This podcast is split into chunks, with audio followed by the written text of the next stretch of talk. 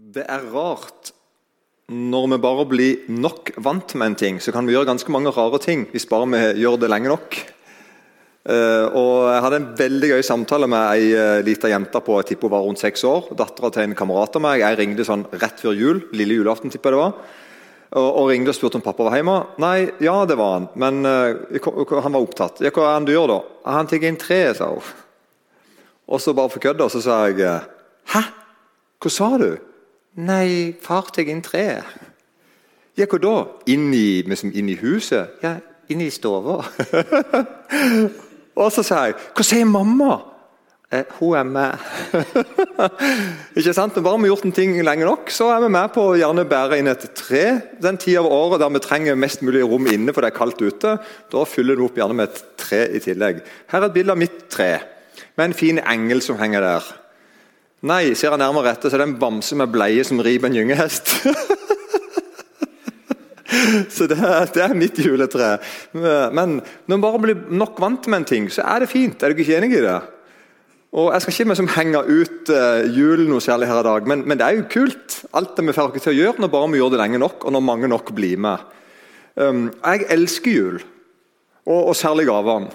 Alltid gjort det. Jeg elsker å gi gaver, jeg elsker å få gaver. og Det minner oss veldig mye om den store gaven som vi får, og som vi gir til andre. Men jeg bærer på en stor sorg som blir større for hvert år. Og det er det at jul er totalt ufarlig. Jul er tannløst. Jul er uvirkelig. Det blir bare med det gøye og fine. Og Det kjenner jeg som en større og større sorg. Og Jul er merkelig nok ikke for alle. Det er plass for kristne til jul, det er plass til ateister, til andre religioner. Det er plass til folketro, eventyr, fattige, rike, unge og gamle. Snakkende ekorn og ender er det plass til til jul i Norge. Men Jesus Kristus er mer og mer utestengt. Den oppstandende Herren Kristus kan godt holde seg unna julefeiringa. Han passer ikke helt inn i det koselige selskapet vårt. Kjære Jesus, vær du hos oss.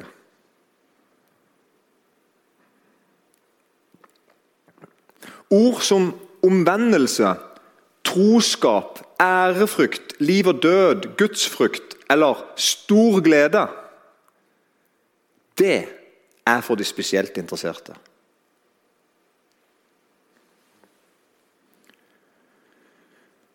Frykt ikke. Lukas 2, 8. Det var noen gjetere der på stedet som var ute på marken og holdt nattevakt over flokken sin. Og se, en Herrens engel sto hos dem, og Herrens herlighet lyste om dem. Og de ble meget forferdet. Men engelen sa til dem, frykt ikke. For se, jeg forkynner dere en stor glede. En glede for alt folket. I dag er det født dere en frelser som er Messias, Herren, i Davids by. Gleden, det at Messias er født, fortelles altså til alle. Den gleden skal fortelles til alt folket. Men bare noen få fikk del i gleden. Bare noen var mottagelige. Hvem det var? Det var de som var forferda. De fikk høre Frykt ikke. Og De fikk ikke bare hørt sånn Ikke vær redd, slapp av, det er ikke noe å være redd for. Nei, nei, nei. Det er mye å være redd for i møte med Gud. Så det var ikke poenget til England. Det var ikke det de fortalte. De fortalte frykt ikke, for se. Jeg forkynner dere en stor glede, en glede for alt folket. I dag er det født dere en frelser. Det er grunnen til at ikke du trenger frykt av Gud. Dere er født en frelser. Det er en som går imellom deg og Gud, sånn at ikke du dør i møte med Gud. I dag er det født en frelser som er Messias, Herren, i Davids by. Martin Luther sier i en veldig god andagsbok som han har skrevet, som heter 'Gled deg Guds menighet', han sier sånn Verden er glad og ved godt mot når den har gods og gull, makt og ære. Men et elendig og bedrøvet hjerte søker ikke noe annet enn fred og trøst. Er du ikke med? Det er noen, det er noen som i møte med budskapet om 'frykt ikke' spisse ørene mest, og det var de som hadde behov for å høre at de ikke skulle frykte. For det, de gjorde nemlig det, de frykta.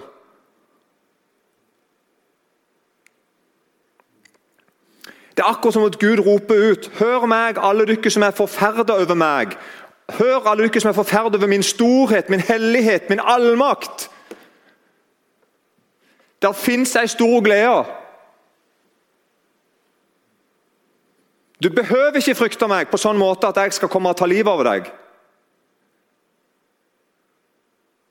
For der er født en frelser. Han er født i Davids dag.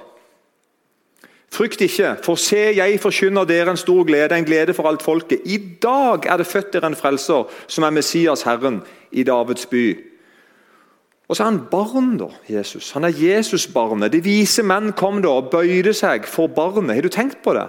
De så et tegn på himmelen som betydde at en konge var født. De reiste til hovedstaden, selvfølgelig, hva skal du helst reise? Og snakke med kongen i slottet. Men der var det ingen kongebaby. Så reiser de til stallen, til den fattige familien, og der bærer de fram sine gaver. En ganske utrolig historie. De trodde det de så. Josef og Maria trodde òg det de så. De vise menn måtte bli rettledet av Det gamle testamentet. De fant ikke fram uten Bibelen. De skriftlærde måtte korrigere stjerneforståelsen deres med noen profetord fra Mika. Gjeteren trodde ordet om Jesus. Engelen fortalte hva du skulle se etter. Lukas 2,12. Og dette skal dere ha til tegn, sier englene til gjeteren. Dere skal finne et barn som er svøpt og ligger i en krybbe. Og Krybbe heter på eikdølsk eta. Det er den plassen der dyrene eter maten sin framme med forberedte. Du skal finne en baby som er svøpt, og som ligger i eter til dyrene. Det er tegnet deres. Når du ikke ser det, da har du ikke funnet Messias. Hva gjorde de da? Lukas 2, 16. De skyndte seg av sted, og de fant både Maria og Josef og barnet som lå i krybben. Da de hadde sett det, fortalte de om ordet som var talt til dem om dette barnet. Og alle som hørte det, undret seg over det som ble sagt dem av gjeterne. Så vise menn og gjetere bøyer seg for barnet i krybba. Det er ikke poesi, det er ikke eventyr. Det er ramme alvor. Som ikke det er nok. En gammel mann som hadde ventet på Messias så lenge han har levd. Han ser Jesus som åtte dager gammel. Og Simon heter han. Han tar straks babyen i armene sine og lover Gud. altså Han priser Gud og sier, 'Herre, nå kan du la din tjener fare herfra i fred' etter ditt ord, 'for mine øyne har sett din frelse'. Det var en til som trodde på det han hørte og så. Det var kong Herodes. Han hadde òg hørt om Jesus. Og Han òg ble forferda, sånn som gjeteren. Ser du ikke det? Og Faktisk hele Jerusalem sammen med han. Han samla alle yppersteprestene og folkets skrifter og spurte dem ut i hvor Messias skulle bli født. De sa til ham i Betlehem i Judea. For så er skrevet ved profeten. Du Betlehem i Judaland er slett ikke den ringeste blant fyrstene i Juda. For fra deg skal gå ut en høvding som skal være hyrde for mitt folk Israel. En profeti fra Mika. Herodes trodde profetien. Og han frykta konsekvensene. Han så for seg en konge som skulle overta makta hans. En utfordrer. Og Det går så langt at det, Gud og engler må vekke Josef på natta og si stå opp. Ta barnet og dets mor og med, og med deg og flykt til Egypt. Bli der til jeg sier ifra til deg, for Herodes kommer til å lete etter barnet for å drepe det. Så mye trodde Herodes på Bibelen. Han trodde på han, 100 Så Jesusbarnet er ikke ufarlig eller uvesentlig. Det er gjeterne og Herodes enige om. De er alle forferda i møte med budskapen om Jesus, men de finner hver sin trøst. Gjeteren bøyer seg og hører på ordet fra englene om at de ikke skal frykte, for i dag er det født ikke en frelser. Og De springer glad til Frelseren og ser at det blir funnet sånn som blir sagt, og gleder seg over det. Herodes hater. Og bestemmer seg for at denne guttungen skal dø.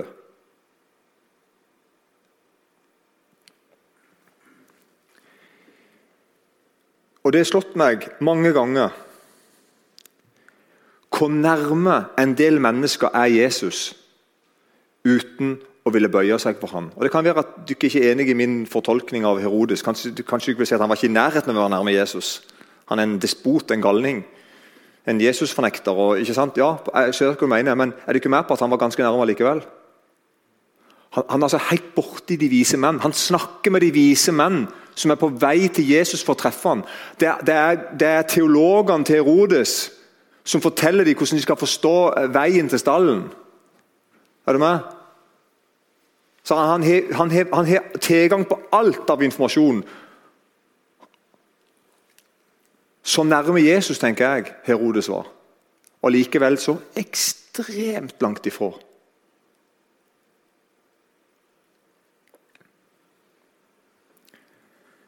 Og tenk å bøye seg for han, glem det. Jeg skal ta han.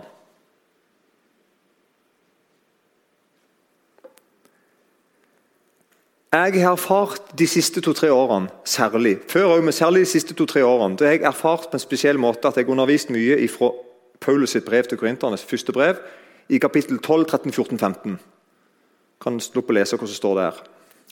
Der står det veldig mye bra. Der står bl.a. om åndens gave, eller som nådegave, som ble gitt i forskjellige mål til oss. At ingen er like, men alt er etter Guds orden. Gud deler ut nådegave sånn som han vil, til de han vil sånn som han ser at det er best. Så står det en del om kjærligheten her. ikke sant? Og Der står temaet at kjærligheten er større enn håp og tro. Og så står det i kapittel 15 om den fysiske oppstandelse. Paulus sier at hvis ikke Jesus er stått opp fysisk fra graven, så bare glem hele kristendommen. Og så argumenterer han for at Jesus har stått opp på alle tenkelige måter. Ikke minst med hundrevis av vitner som hadde sett det. Han, til, han skriver i, i, kapittel 15 at eh, bare ring til de og snakk med dem hvis du vil. De fleste lever ennå. Og så sier han da at vi òg skal stå opp for døde, hele gjengen. Og vi skal komme etter. Jesus tok for de døde, og vi skal komme etter. Men poenget mitt her er at i disse kapitlene her, så er det tilsynelatende en haug med motsetninger. Og Det har jeg, det har jeg vært veldig sånn glad for å, å, å, formidle når jeg har formidlet dette rundt forbi i norske hytter og hus.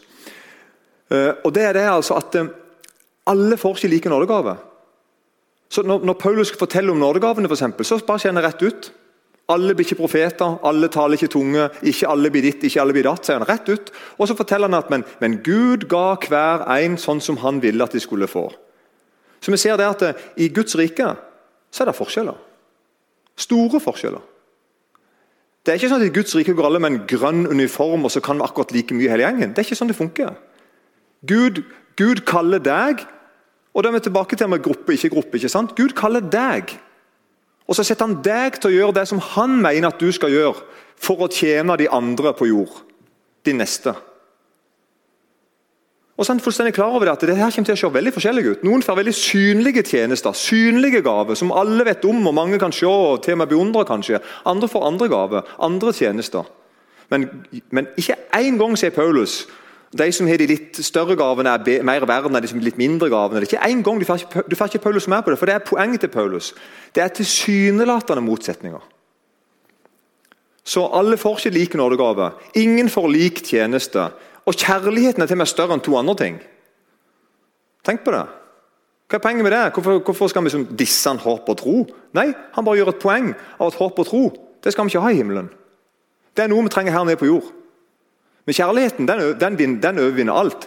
Den skal vi inn i himmelen. Inn i evigheten. Men glem at diss, håp og tro.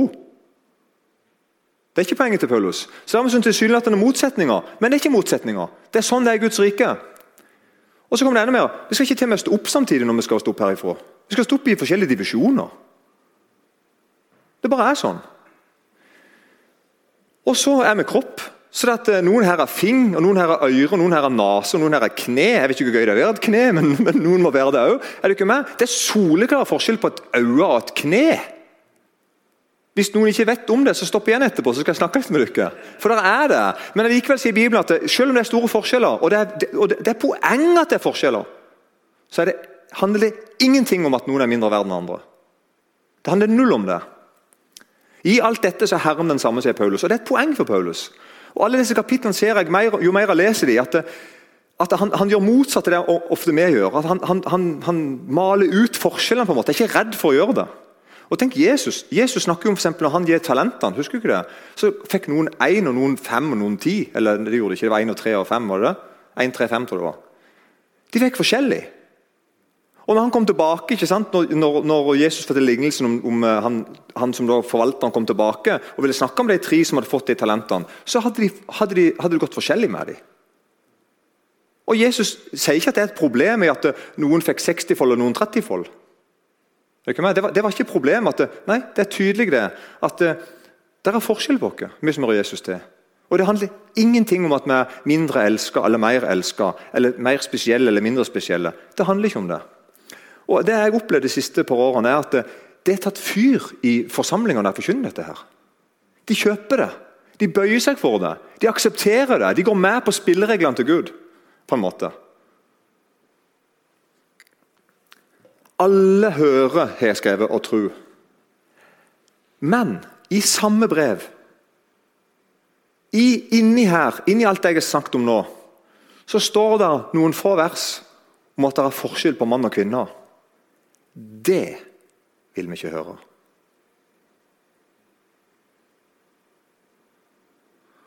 Og det er, det er, rett etter Jesus snakker om forskjell, eh, Paulus unnskyld, snakker om forskjell på menn og damer. Det er rett etter det at Paulus kommer med en slags punchline og sier Eller var det fra dere Guds ord gikk ut?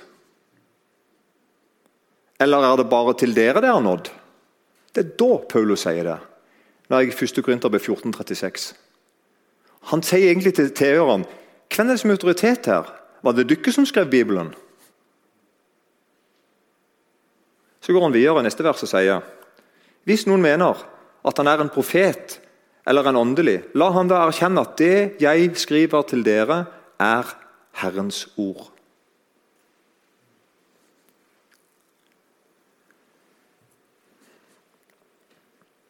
Vi vil ikke bøye oss for noe annet enn et barn, har jeg skrevet.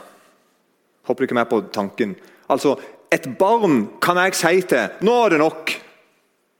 Det er det som gjør barn til barn og meg til voksen. på en måte. At jeg kan, nå, nå, nå, nå har du brukt nok tid, nå har vi sett alle kunstene dine, nå har vi hørt alle fortellingene dine, alle vitsene dine, hørt alle sangene dine, og nå er det kveld.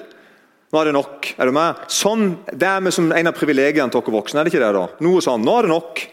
Husk på at du er et barn, altså. Sånn, vil, sånn en Jesus vil mange ha. Et Jesusbarn.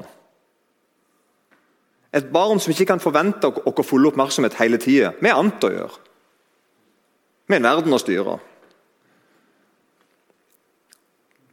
Folkevalgte i Norge, politikere i Norge, mener at bedehusfolket ikke skal bøye seg for Kristus. Jeg sier ikke at alle mener det, men en del politikere mener at bedehusfolk bør ikke bøye seg for Jesusbarnet. I, I alle fall ikke med deres velsignelse. Det er nok nå, syns de. Jesus diskriminerer, gjør forskjell på folk.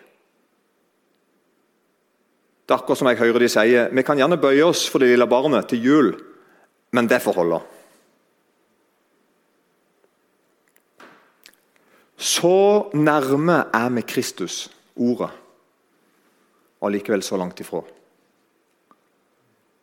Så nærme er vi Han som vi frykter, men den store gleden sier vi nei til.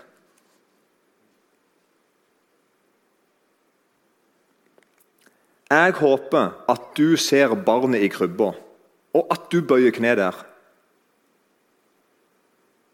Jeg håper at du ser at dette ikke bare er et barn som bør bli beæret over at store voksne du gidder å bruke tid på det barnet. Jeg ber om at du må se at Jesusbarnet måtte begynne sånn, som et menneskebarn. Som en baby. Du måtte få tilgang på Guds kjærlighet. Nå har du det.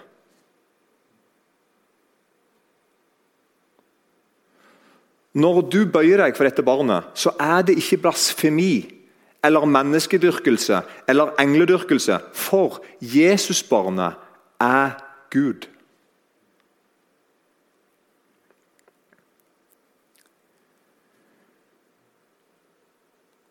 Glade jul, hellige jul.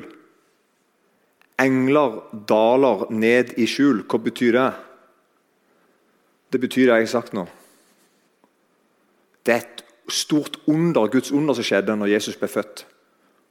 Og Det skjer noe i skjul, noe som jeg ikke kan se med det blotte øyet. Men det skjer for deg om, det er like reelt for deg om. Men det er noe som er vanskelig for meg å se, særlig når vi har gjort en ting om igjen og om igjen og om igjen, og synger sanger som rimer osv. Så, videre. så det er vanskelig å se. Men det er faktisk sånn. Glade, hellige jul.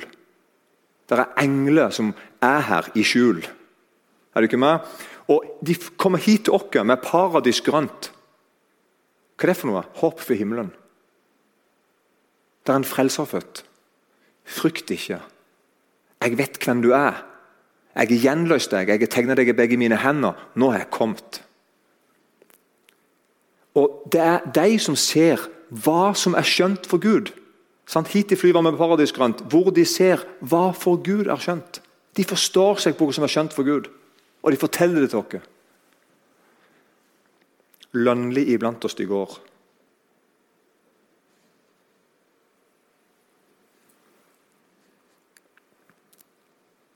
Tenk å se at Jesusbarnet kan jeg knele for uten at det er menneskedyrkelse eller engledyrkelse. Men det er Gud. Det er Ordet. Det er Frelseren min. Det er Herren min. Det er kongen min. Det er dommeren min. Det er vennen min. Det er bror min. Det er Jesus Kristus. Den store glede er at du kan bli frelst. Det er den store glede. Se, jeg forkynner dere en stor glede, en glede for alt folket. I dag er det født ikke en frelser. Hva er den store glede? Du kan bli frelst. Og det, Hva betyr det? Jo, du kan bli satt i stand til å elske Gud. Du kan få et forhold til Gud, sånn at Gud er din Gud. Du som før ikke var hans venn, er nå hans. sin.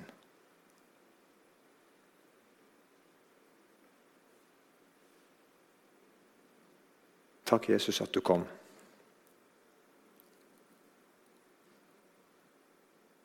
Lær oss å bøye oss for deg, sånn at vi kan få del i den store gleden. Amen.